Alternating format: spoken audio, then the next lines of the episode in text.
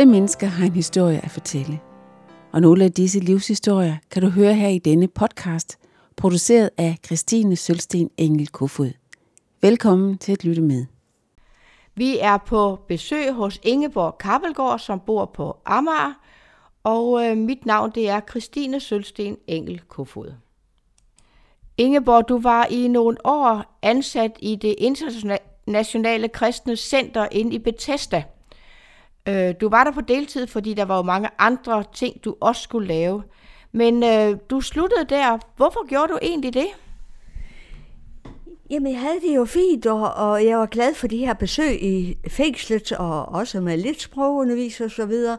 Men Henrik Nyman Eriksen, for alt som var øh, ansat som leder på LMH, han ringede til mig en dag og sagde, Ingeborg, vi vil gerne ansætte dig som integrationslærer på LMH fra øh, september, eller hvornår nu er, i to, ja, august 2004. For vi øh, kunne tænke os også at give ikke-danskere chance for at komme på højskole. Så det lyder da spændende, men jeg skal lige tænke mig om. Jeg skal have en uge til at tænke mig om. Jamen, øh, det er okay.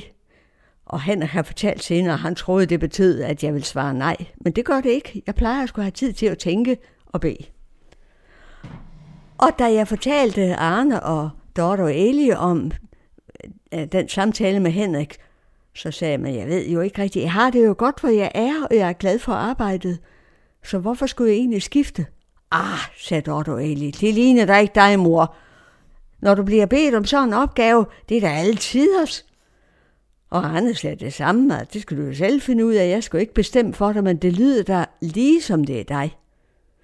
Nå, så sagde jeg i min aftenbøn, kære Gud, vil du ikke give mig lyst til det og mod på det, hvis det er det, jeg skal? Og hvis ikke jeg skal, jamen så fortsætter med det gode arbejde, jeg har. Jeg har det jo fint derinde i IKC. Og nu lægger jeg mig til at sove, og så regner jeg med i morgen tidlig, så bliver det ene eller det andet. Og jeg vågnede næste morgen og tænkte, hold da op, det vil du bare gerne. Det er da en spændende udfordring at få. Og så jeg ringede tilbage til Henrik der, nu var der gået en uge, og så sagde jeg, Henrik, jeg siger ja. Hvad? Siger du ja? Jamen det var jo dejligt. Jeg troede, det, når du skulle have så lang tid, så fordi du ikke var særlig øh, interesseret i det. Nej, du tager fejl. Jeg skulle bare finde ud af, at det var rigtigt. Sådan gik det til, at jeg sagde op i IKC, og så begyndte på LMH. Og jeg vil bare sige, at den beslutning har jeg aldrig fortrudt. Jeg var glad for det, jeg havde, men det var en fantastisk fornemmelse at få lov at slutte af egentlig i mit arbejdsliv på den måde. For jeg har nok arbejdet siden, men lønnet arbejde, det har, det har været, ja, det har været det her. Og det var rosinen i, i pølseenden, siger jeg altid. Jeg kom til LMH, og jeg skulle jo have et skema skruet sammen halvtids, foreslog Henrik, og det blev det også med nogle timer med integrationselever, og så ellers undervisning i islam, evangeliet til muslimer, for det havde jeg jo øh, erfaringer med, og det ville jeg rigtig gerne fordybe mig mere i. Jeg har også været på kursus både i England og i, i øh, København, uden egentlig at anvende det andet end til nogle foredrag. Så det var helt fint. Og det, øh, det var bare godt. Og så diakoni, jamen det kunne jeg godt se, det var også lige mig. Jeg har altid syntes, der skulle være både teori og praksis. Og så var noget med at gennemgå en bog og sådan lidt. Så jeg fik simpelthen lov til at undervise lige i de ting, jeg allerhelst ville. Så jeg var som fisk i vand. Og det må man jo da sige, det var fantastisk. Jeg kom i gang på integrationslinjen, og jeg lærte, at man aldrig bare har dem givet, som man skal have til sådan en linje.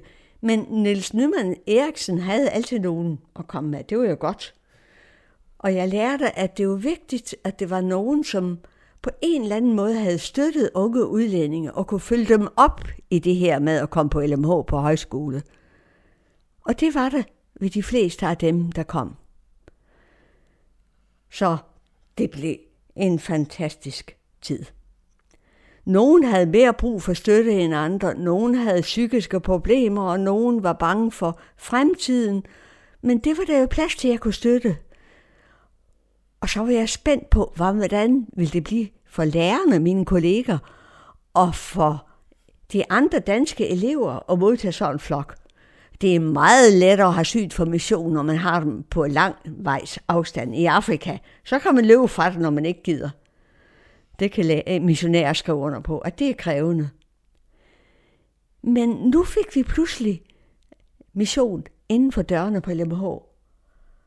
Tænk, det er en idé, jeg ikke har fået. Jeg plejede ellers for mange vilde idéer. Det var Henrik, der fik den idé. Og der kom dejlige unge der. Men der kom altså også en enkelt fra muslims baggrund, som egentlig var interesseret i kristen tro. Det blev en meget spændende oplevelse. Jeg husker blandt andet en, vi kan kalde hende for Maria. Hun kom og ville gerne lære om kristendom, fordi hun var meget optaget af Jesus. Og hun lyttede, og hun lyttede, og hun sagde til mig en dag, fordi hun kunne øh, fint dans, så hun kunne klare at være med til undervisning i dogmatik og alle de fag. Hun sagde til mig, der er noget, jeg ikke forstår. Jeg forstår ikke det her med, at Gud, han både er altså, Gud Helligånd og Gud Fader og Gud Søn. Altså enten er man en, eller også er man tre. Og i islam, der tror vi på én Gud, og I siger også, at I kristne tror på én Gud, og alligevel så nævner I hele tiden Gud Fader, Gud Søn og Gud Helligånd. Hvordan skal man forstå det?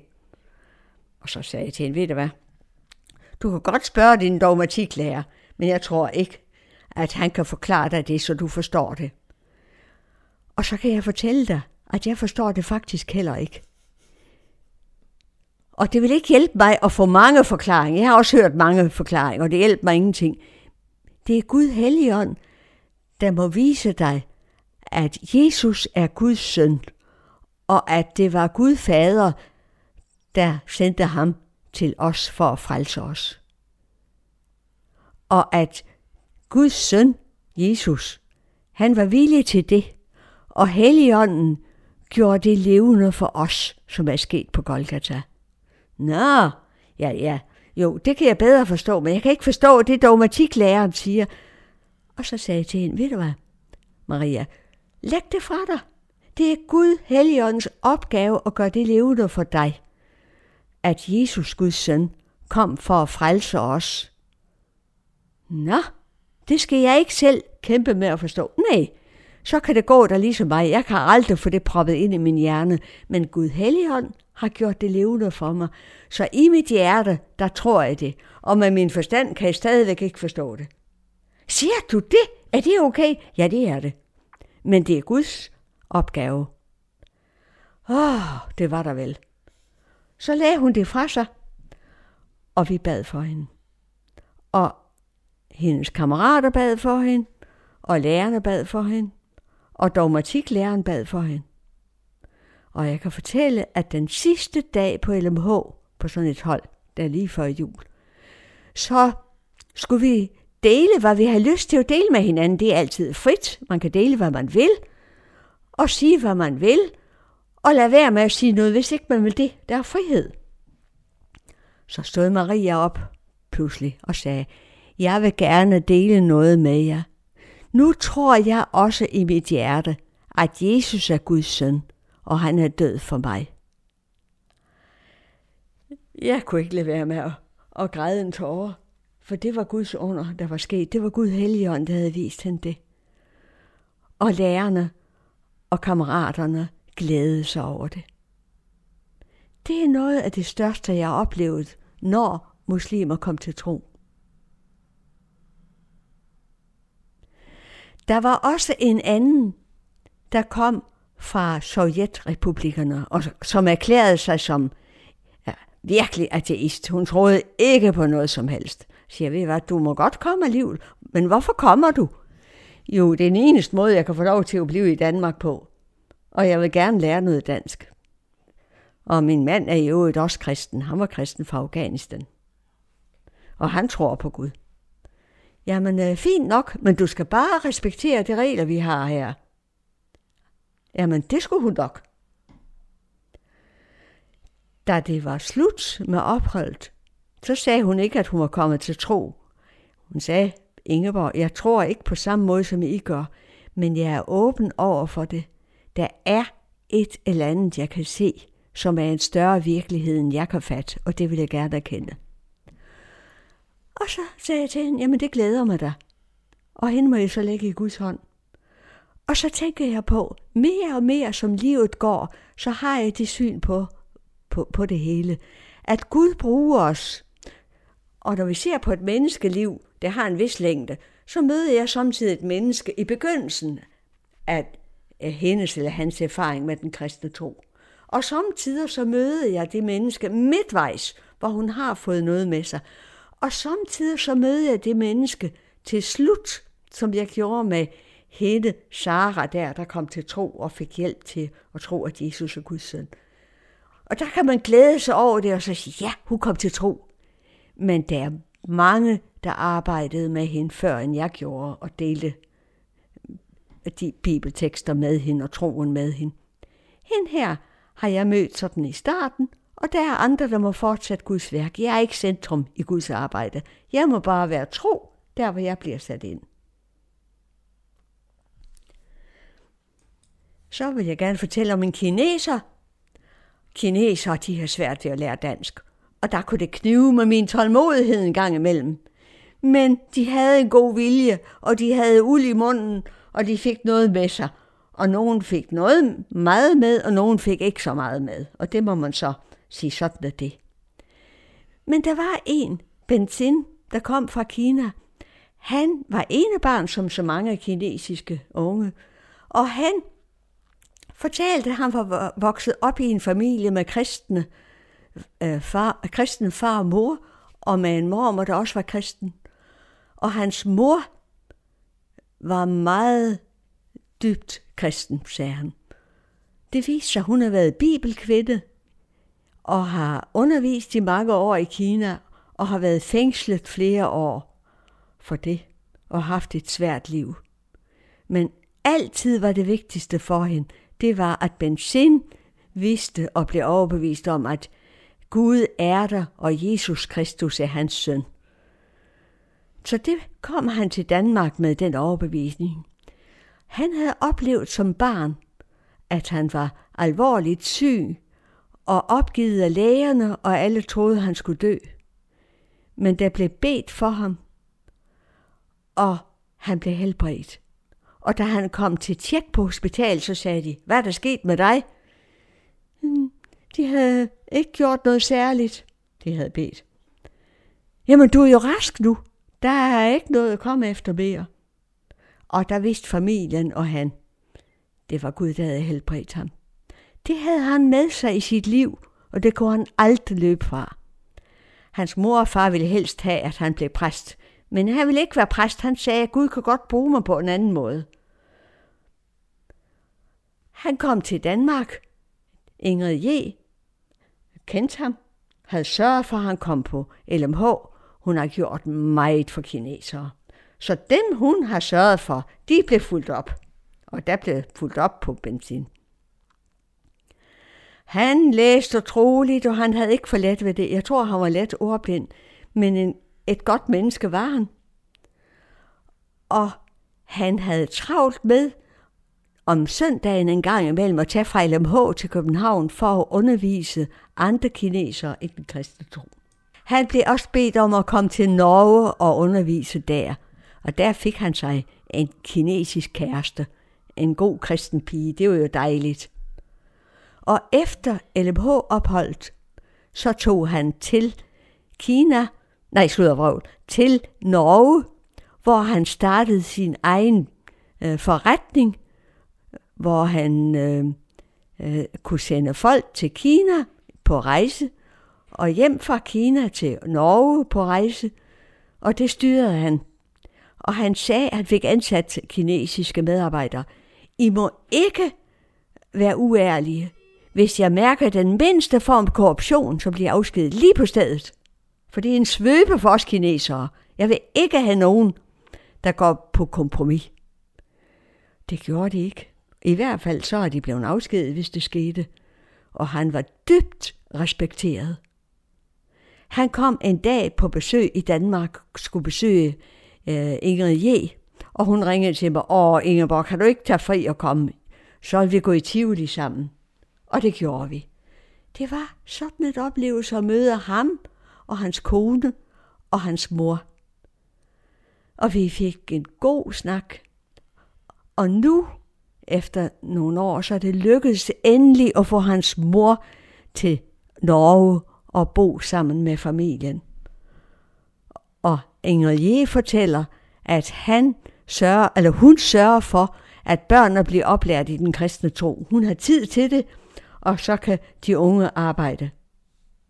Så det er sådan nogle af de små glædeshistorier.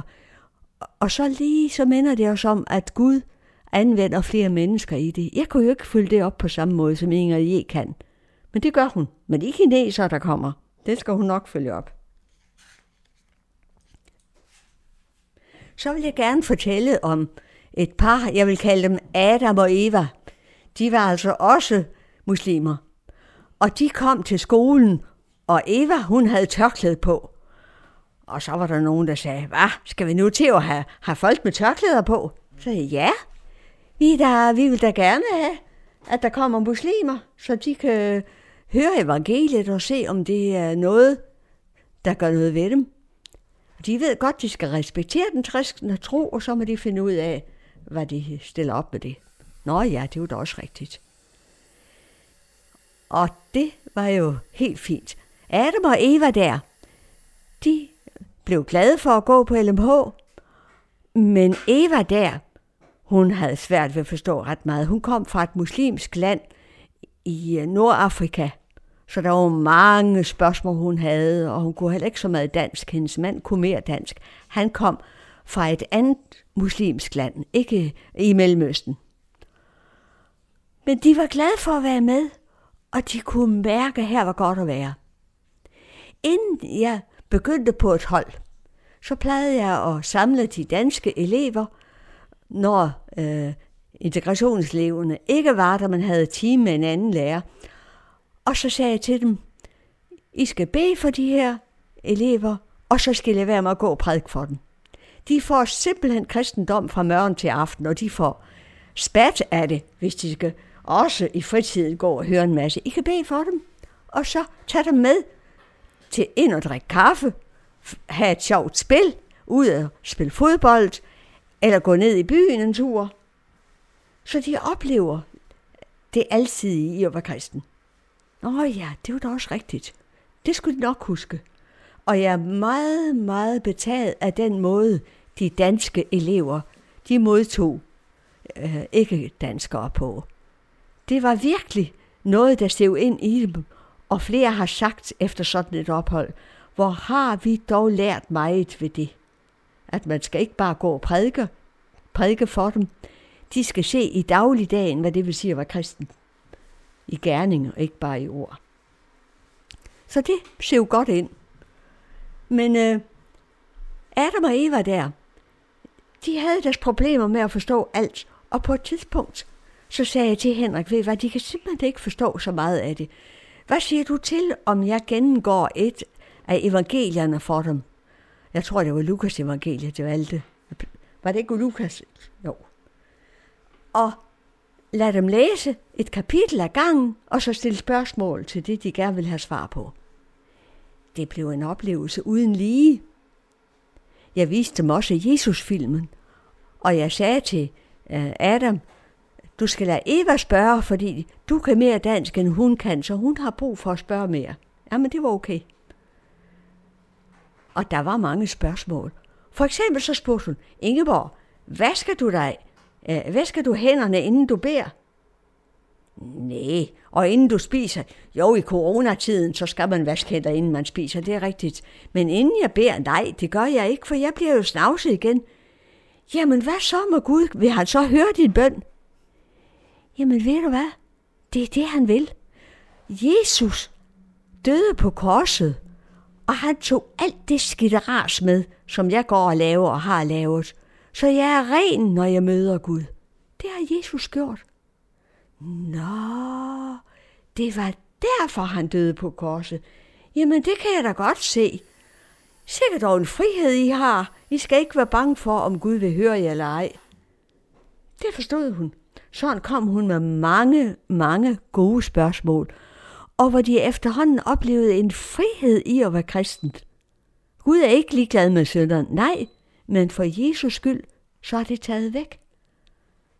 På et tidspunkt så sagde Adam, jeg vil gerne være kristen. Nå, vil du det? Hvorfor det? Jo, for der er en frihed, som vi ikke har i islam, og den vil jeg gerne have. Og jeg sagde, hvad så Eva, hvad siger du til det? Må han godt blive kristen? Ja, det må han da, for Jesus er en god person. Vil du så også være kristen? Nej, det går ikke. Det går bare ikke. Nå, hvorfor ikke?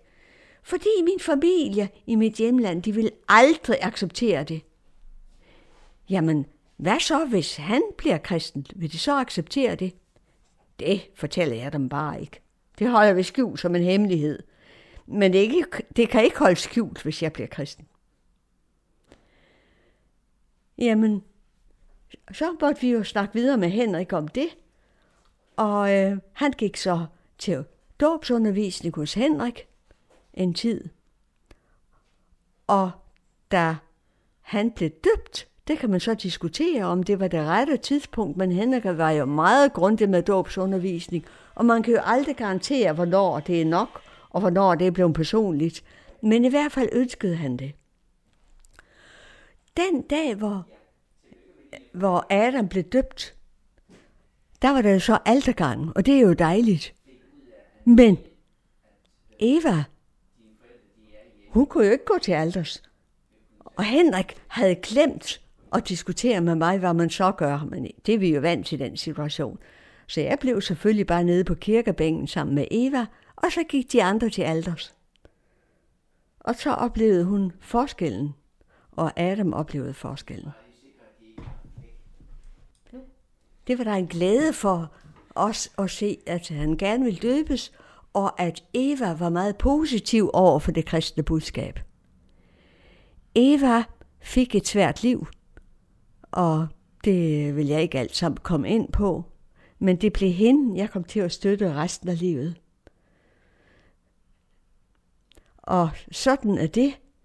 Hendes mand gik sine egne veje, og det kan vi jo ikke gardere os for. Men det betyder, at jeg er klar over, at resten af livet, så har jeg ansvar for hende.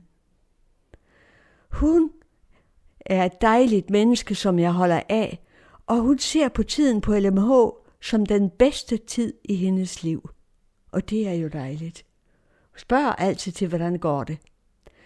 Hun, hun blev gravid i slutningen af sit ophold på LMH, og hun fik en søn i 2011. Og den søn blev hendes et og alt. Men der skete jo altså det efter opholdet på LMH, hvor han kom, hun kom hjem med barnet, så viste det sig, at hun skal smides ud af landet igen. Det var så svært også for hendes mand at få det hele til at fungere.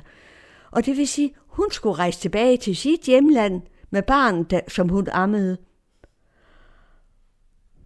Og hvad så? Så vil barnet jo ikke kunne komme ind i landet igen.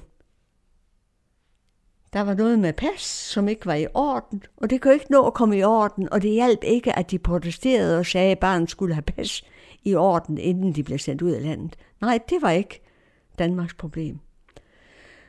Så sagde jeg til hende, de er i gang med at lave pas til den lille. Ved du hvad? Jeg kommer ned og besøger dig i dit hjemland, og så har jeg pas med, og så efterlader jeg det det hos dig. Og det blev en fantastisk oplevelse. Jeg kom hjem til hendes hjemland, mødte hendes familie, hendes mor, som var en from muslim og bad de her tre-fem gange om dagen. Jeg husker en situation, hvor det var mørkt, og jeg pludselig ville gå ind på mit øh, værelse, og der var moren i bøn. Og da jeg så hende, var jeg lige ved at falde over hende, så jeg måtte springe over hende. Og det har vi grinet sådan af. De var så lattermilde, og det er jeg også. Så vi kunne grine mange ting sammen. Ja. Men i hvert fald fik jeg afleveret passet, og jeg mødte hendes mor, som var et dejligt menneske, og jeg mødte hendes bror, som også var et skønt menneske, og den mand i familien, der havde ansvar for hele familien, og de andre søstre, og var rundt og besøgte dem. Og det betyder, at den dag i dag, så siger hun altid, Ingeborg er min danske mor, og jeg har mange hilsner til dig fra hele familien. Der blev oprettet et venskab mellem familien dernede. Så var der også nogle ting, jeg ikke havde forudset ville få sådanne konsekvenser. Men jeg har altid været nysgerrig. Jeg har altid gerne ville opleve noget. Så jeg synes jo, det var en chance at besøge øh, Evas familie. Og det betyder så, at nu sidder Eva i kørestol. Hun er handicappet. Hun har fået en sygdom, der gør, at hun ikke kan gå længere og ikke kan bevæge sig. Og det blev umuligt for hendes mand at blive ved og klare det økonomisk, for han fik besked om, jamen det er dig, der har opholdstilladelse her. Du må sørge for hende. Og han kunne ikke klare med sin folkepension og betale for hende. Så han sagde, Ingeborg, du kan sige, hvad du vil, men jeg kan ikke magte det økonomisk. Og jeg har fået at vide, hvis jeg lader mig skille fra hende, så får hun penge. Sådan gik det til. Der er mange skæbner i livet, og det var hårdt for ham, det var hårdt for hende. Men altså, livet er ubarmhjertigt en gang imellem. Han ved, at jeg besøger hende, og han er så et andet sted i livet nu. Jeg ved ikke, hvor han er hen. Men jeg besøger hende fortsat ikke så tit, som jeg egentlig skulle, men det betyder, at hun ved nu, at jeg vil altid komme på et eller andet tidspunkt. Under corona kunne jeg ikke komme, fordi hun er så sart. Er hun i Danmark nu? Hun er i Danmark nu. Og hun har fået en god lejlighed øh, derude, hvor med, af, hvad hedder det? Ja, en bus stopper. Den kører her fra Amager uden stop til der, hvor jeg kan besøge hende. Det er helt utroligt let at besøge hende. Så det er jo dejligt. Så løber jeg ind, og der har hun en god lejlighed. Men det var jo svært for hendes søn, eller for deres søn. Han er så vred selvfølgelig over, at hans mor er ladt i stikken, og han har ikke forstået, hvor svært det var, at de ikke kunne overleve i Danmark økonomisk. Så vi lægger hans far i Guds hånd, og vi beder for Eva, og vi beder for sønnen. Men det er så nogle af dem, og jeg har bare taget nogle enkelte frem, som jeg bare ved. Hende må jeg aldrig slippe og svigte. Ingeborg, udover at du havde integrationseleverne, så underviste du også i islam til de danske elever på LMH. Ja, som jeg nævnte, diakoni, det har jeg jo fået et lille indblik i, at jeg havde diakoni-elever med til IKC. Så det var, det var jeg meget glad for. Men jeg havde også øh, undervisning i islam og noget om evangeliet til muslimer. Og det var også for danskere, og det var jeg rigtig glad for at få lov til. Det havde jeg jo også, også arbejdet med Øh, de tre måneder, vi var i England, og hvor vi fik undervisning i sådan noget derovre, plus fået undervisning på universitetet i det. Så jeg følte egentlig, at jeg fik på den måde intellektuelt lov til at bruge det, og så kæde det sammen med min kristne tro. Det var rigtig dejligt. Men jeg sagde også til eleverne, når de begyndte på det her, jeg vil tage jer med ind i en moské, så I møder nogle muslimer, og ligesom øh, ser, hvordan livet er der. Der er nogen måske, der er meget åbne, så er der nogen, der er meget lukkede. Sådan er det. Og jeg vil fortælle om oplevelser både fra en meget lukket måske, og en oplevelse fra en måske, der var meget åben, og hvor der var en god dialog. Den første, der havde jeg aftalt med lederen, ja. Der havde jeg aftalt med lederen, at vi skulle vise respekt for hinandens tro. Han måtte fortælle om islam, men han skulle ikke nedgøre kristendommen. Og vi kunne godt komme med vores bidrag om øh, kristen tro, men vi måtte ikke nedgøre islam. Ah, men det var en fin aftale. Og det fortalte jeg også eleverne, så det var de med på. Og så sagde jeg jo til dem, I skal klæde jer fornuftigt på, I skal ikke tage tørklæde på, for vi er ikke muslimer, men øh, sådan anstændigt tøj. Ah, Jamen, det var helt fint. Og vi kom ind til den ene måske, og blev modtaget der. Og så kørte han ellers løs, den her imam. Ganske forfærdeligt. Og gjorde grin med kristen tro og med kristne på en måde, så eleverne de kiggede forskrækket på mig, og jeg rystede på hovedet. Ja. Sådan var det, at der var noget galt med ham. Og til slut, efter alt det her, og de ikke egentlig modsagde ham, bare lod ham køre løs med sit, så sagde han til sidst, ja, nu håber jeg da ikke, at jeg har fornærmet jer. Så sagde en af dem, en solid jøde, jo, du har virkelig chokeret os. Og han så på ham, og så, så kunne jeg se, jamen her var jeg vant til, at der kom unge danskere ind, som han bare lige skulle vise, at han kunne godt takle dem. Han havde aldrig mødt nogen, der egentlig var kristne og havde det som deres overbevisning. Så han var lidt flov bagefter. Og eleverne, de var trætte af det. Og jeg inviterede dem hjem til vores hjem. Det gjorde vi altid, når vi havde haft sådan en time. Og så kunne de ellers komme med alle deres opstød over det her. Så sagde jeg til dem, ved I hvad? I dag har vi lært noget. Hvad har vi lært? Ja, vi har i hvert fald lært noget om, hvordan man ikke skal missionere. Lige netop. Man skal vise respekt for mennesker, og ikke gå på kompromis med sin overbevisning, men aldrig nedgøre dem, man taler til og taler med. Nej, det skulle de nok huske. Så det endte med, at vi blev enige om, at vi havde alle sammen lært rigtig meget af det her. Det skulle bare lige vendes en gang. Så det har de taget med sig. En anden gang, der kom vi til en åben måske. Det var en af mine muslimske unge venner, som jeg har haft meget godt med, og mange gode oplevelser med, og hvor hun egentlig sagde til mig, at hun var godt misundelig på vores piger med den opvækst, de havde fået, hvor de kunne få lov at have frihed. Nå, sagde det. Synes du ikke, I har en muslimske tro? Nej, det var ikke sjovt at være kvinde der. Så hun fortalte mig mange ting. Og efter at jeg havde oplevet hende som en rigtig harper i en diskussion, igen hvor det var kristne og muslimer, der skulle fortælle om deres oplevelser. Og der tværede hun de kristne ud på en måde, som var uanstændigt, ligesom imamen gjorde der i moskeen. Og hvor jeg gik hen til hende bagefter og sagde til hende, det der, det kan du ikke være bekendt. Jeg kender dig ikke, jeg ved bare, at du viste ikke respekt for din modpart. Og det er jeg ikke tilfreds med. Og de andre øh, kære gamle mennesker, som hørte på de så sådan her ud. Men jeg vil hellere sige det. Og jeg vidste bare, at man skal aldrig nedgøre nogle mennesker i andres påhør. Så det gjorde jeg ikke. Jeg fik bare sagt til hendes veninder, det der, det var ikke pænt af hende. Nej, hun kan godt være lidt strid. Næste dag så ringede hun til mig og sagde, undskyld for i går. Jeg vil gerne besøge dig, må jeg det? Vi blev gode venner. Og derfor har jeg lært, at man skal aldrig give op. Man skal stå ved sin kristne, kristne tro, men man skal ikke finde sig i at blive tværet ud.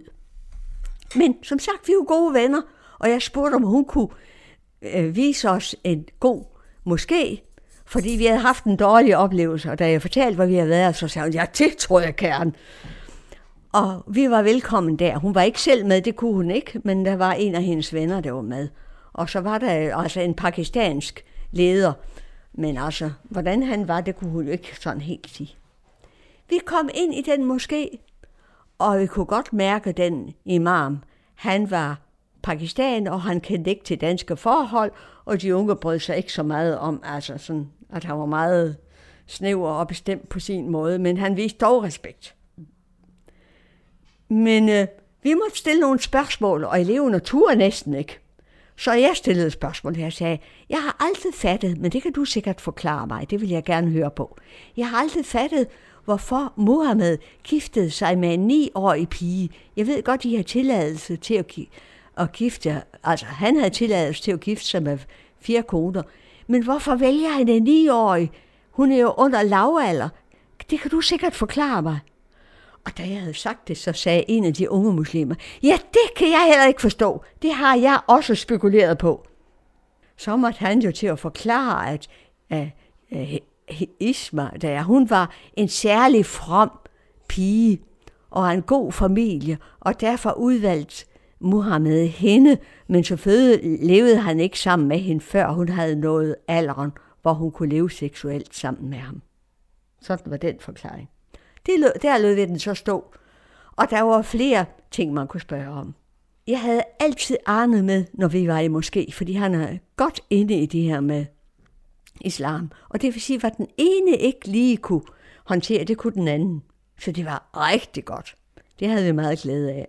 Og øh, det betød da også, at øh, eleverne lærte mig den her gang. De lærte noget andet end fra den første måske.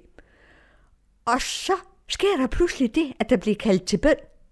Og så siger imamen, I er så velkommen til at komme med til bøn. Og eleverne kiggede forskrækket på mig. Så sagde de, hvad gør vi nu, Ingeborg? Jeg siger, vi tager med. Jesus har aldrig sagt, at der er nogen steder, hvor man ikke kan bede til ham. Selvfølgelig er vi ikke med i deres bøn, men vi kan godt bede til Jesus og til Gud inde i moskeen. Og bede for muslimerne. Nå ja, okay. Så stod de der ved bagenden og lyttede til det her. Og vi kiggede lidt på hinanden indimellem og smilede lidt. Og efter det, så sagde vi mange tak, at vi havde været glade for oplevelsen, og at nu ville vi tage hjem. Og så kom vi igen hjem i vores stue, hvor de kunne stille spørgsmål. Og en elev sagde, Ingeborg, nu er jeg aldrig bange for at komme ind i en moské. Nu ved jeg, hvordan jeg skal forholde mig, og jeg ved, at Jesus er alle vegne. Man kan bede til ham. Og vi skal ikke deltage i fællesbøn, det er ikke det. Så alle elever, der gik til øh, undervisningen der, de fik noget med sig, noget andet, end de havde regnet med. Og det blev ikke bare teoretisk. Ja, det blev mange gode oplevelser, jeg fik med eleverne og med lærerne og med Henrik som forstander. De fik også lært meget om det at have missionen inden for LMH's vægge, med det bøvl og alle de glæder, det giver. Det vidste jeg jo egentlig godt i forvejen, uden jeg kunne sige helt, hvordan det ville blive. Men det var en stor glæde for mig, og jeg må sige, jeg får næsten tårer i øjnene, når jeg tænker på, at jeg fik lov til at slutte mit arbejdsliv af på den måde. Ikke mit liv, jeg er stadigvæk i gang, men at det fik lov til at blive rundet af som rosinen i pølseenden på LMH. Fordi jeg var jo i indremissionsarbejde, og jeg ville jo egentlig gerne runde af i LM også. Og det fik jeg lov til. Kan man så ønske mere? Og så ellers stå til rådighed nu, så nu er jeg rundt og holde foretræde både i LM og i IM og i kirken og i kulturelle huse osv og fortælle, hvad jeg nu kan mærke, de er åbne overfor. Men de får altid på en eller anden måde lidt godt med sig ovenfra. Du er jo stadigvæk med på LMH, for det er jo noget, der hedder sommerhøjskole. Det er jeg med fuld sving, og Arne er også med nu. Efter at han holdt op som Øh, præst i, på, i Kingo, så spurgte Henrik, om ikke godt han kunne tage med og holde gudstjeneste. Det har han faktisk gjort, siden han holdt op når der ellers ikke har været corona. Og det har været sådan en glæde, at vi kunne være sammen. Så er vi sammen som øh, ægtepar, på en eller anden måde som en slags sjælesørger, hvor vi snakker med mennesker, hvis nogen har brug for en dyb snak, eller griner sammen, eller går en tur sammen, eller hvad der nu er brug for, og vi elsker det. Det har været så godt, og det har vi gjort siden. Det har jeg gjort siden 2005, og Arne er kommet med fra, han holdt op der i 2017. Og det er jo også en uendelig gave. Så jeg har altid fået at vide fra LMH, Ingeborg, du kan da godt kigge indenfor. Men jeg har det ligesom i mig, jeg skal ikke gå og forstyrre og være til overs. Men de har spurgt mig år efter år om at komme igen, og så har jeg sagt, men det siger jeg glad ja til, og hvad skal jeg så holde om? Det må du selv om. Kom med forslag. Og de har altid sagt ja. Og så har jeg oplevet, at det har givet en god start med de lærere, der er med der. Og jeg har lært de forskellige, som er med på LMH, at kende. Så den der fortrolighed, den fortsætter år efter år. Men jeg har sagt hvert år til Henrik eller Thomas, som ligesom er ledere, hvis I finder et andet par, der lige er klar til det, så jeg, tager jeg det ikke som et nederlag, at nu er det slut. Jeg tager det bare som en glæde, hver gang I spørger mig, og den dag, der er andre, der er klar til det, så er det fint. Ja, for du sluttede i på LMH i 2010? Jeg sluttede i 2010, for der var jeg 65, og det var en aftale, at når jeg blev 65, så skulle der en ny til. Og det er også rigtigt. Jeg kan også godt mærke, at jeg brugte al min energi, selvom jeg var øh, deltidsansat, så skulle det energi til. Men det har været en glæde at få lov at holde, mens jeg var på fuld plus. I stedet for at slutte, når de sagde, ah, nu må hun snart holde den gamle red. Det har jeg aldrig hørt nogen sige. Så det er så dejligt. Og jeg husker et godt ord, jeg fik, jeg tror det var Mikkel Vigilius, der gav mig til slut, øh, med øh, ham, der løber med glædesbud med evangeliet, og gav det ord til mig, at det havde været dejligt. Og jeg jubler, når jeg tænker på det. De gode år, jeg fik, sammen med integrationselever, danske elever, mine kolleger og Henrik Nyman Eriksen som forstander.